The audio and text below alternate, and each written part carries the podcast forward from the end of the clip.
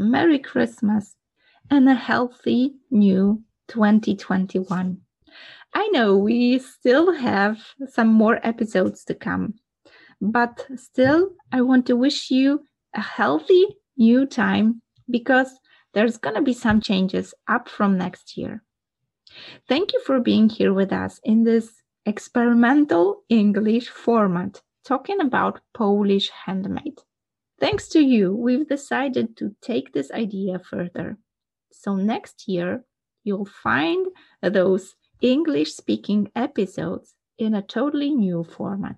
We'll be doing that as Handmade from Poland official podcast. Not only as Oplotki here, we will move this English speaking Friday episodes to a totally new podcast. So I warmly invite you to be there with us in this next 2021. Each Friday, you will get an insight into our fluffy, crazy handmade world. We're going to be dis- defining the term handmade from Poland, and we're going to be providing you with answers that are given from insiders, craftsmen, artists, but also from the outsiders, people who comment on this handmade business of ours. We're going to be all together defining the term handmade from Poland. So I invite you to our common journey and I invite you to meet me in Handmade from Poland podcast next 2021. There has been quite a lot of experimenting in 2020. I assume that it has been as crazy year for you as it was for Oplotki. This creative ecosystem of ours went through some downs and ups, ups and downs via 2020. But I guess it gave us wings to fly as well. Traditionally, we convey handmade workshops in stationary cafes or restaurants. COVID lockdown made us go into this online hectic world even more than ever. And it seems we're going to stay there for 2021. I invite you to listen what's going on and what is going to go on in Oplotki creative ecosystem and what going to find here for you. I know we're to be continuing some handmade workshops.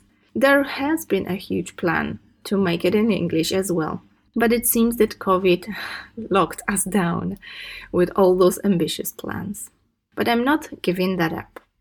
I decided to leave the English format of the podcast because maybe there's you listening there and waiting for some news from this handmade world of Polish crafting artists.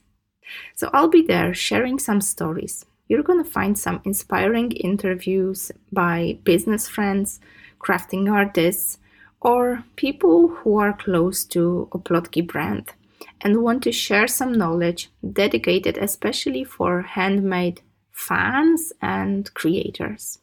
What also you'll find here? Some interviews with mastermind buddies who are close to handmade niche. You will also find some stories of business owners and crafting entrepreneurs. I decided to invite some of those whom I admire to promote their brands here in the format of the podcast. I hope that's going to be something interesting for you and you're going to stay with us for 2020. There's going to be lots and lots of experimenting in English. So I'm really glad that you're here and I'm open for your communication. This year we dedicate for experimenting, as I said. There's lots of this word in here, right? I'm overusing that. Thus, I'm to be waiting for you to contact us. If you have any ideas, any suggestions, any constructive feedback for us, please do feel welcome to contact me for agnieszka at oplotki.pl. I guess this podcast is going to evolve. I'm this type of person that doesn't like to keep her ideas in her mind, stuck on a paper or just in some notes. I am that kind of person that does things first and then thinks about it. So, this podcast is a brilliant idea and an example that I want to set not only for my daughters and a son, but also for other crafting artists. This podcast in English won't be perfect, won't be ideal, won't be even quite consequent because we allow ourselves to experiment here.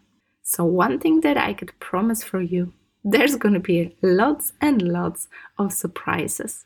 So, I'll invite you to join us for 2021 and stay with us, witness the experiments, and help us to find the perfect format to continue for next years. See you in 2021.